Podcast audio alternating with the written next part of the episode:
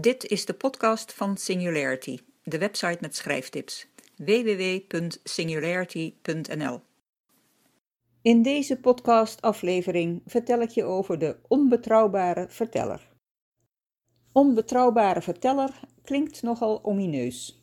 Zit je nou een boek te lezen die je dingen vertelt die niet kloppen? Ben je je tijd aan het verspillen? Het antwoord op de eerste vraag is ja, deels. Het antwoord op de tweede is nee.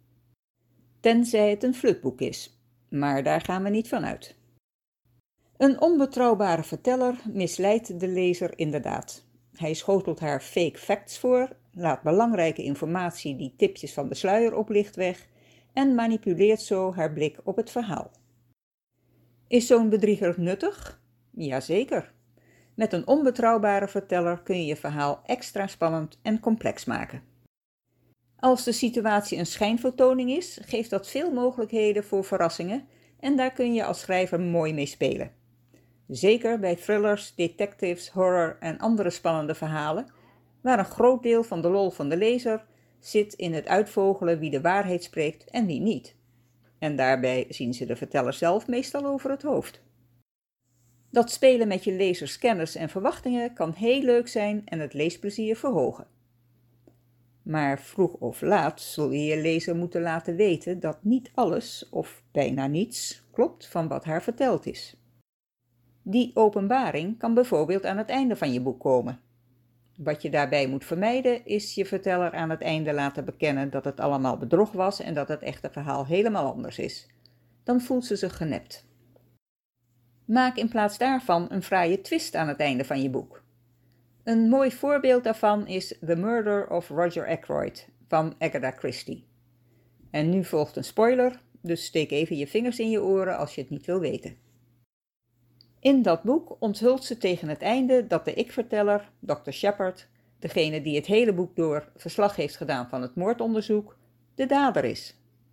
Zoiets was nog nooit eerder gedaan en het was een sensatie. Je lezer kan ook al meteen aan het begin doorhebben of vermoeden dat de verteller niet te vertrouwen is. Bijvoorbeeld omdat hij een psychiatrische patiënt met waandenkbeelden is, dan wel een gek, zoals Patrick Bateman in American Psycho.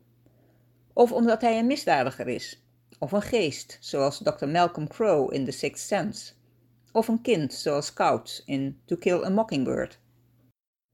Je kunt je lezer ook stukje bij beetje aanwijzingen geven dat de verteller niet te vertrouwen is.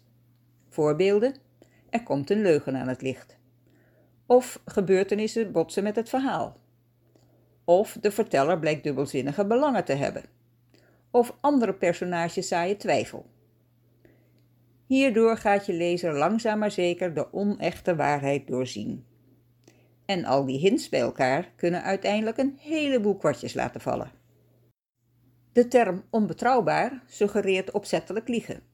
Maar dat hoeft niet zo te zijn, zoals de voorbeelden van The Sixth Sense en To Kill a Mockingbird al laten zien. Daarnaast bestaat een beetje liegen ook.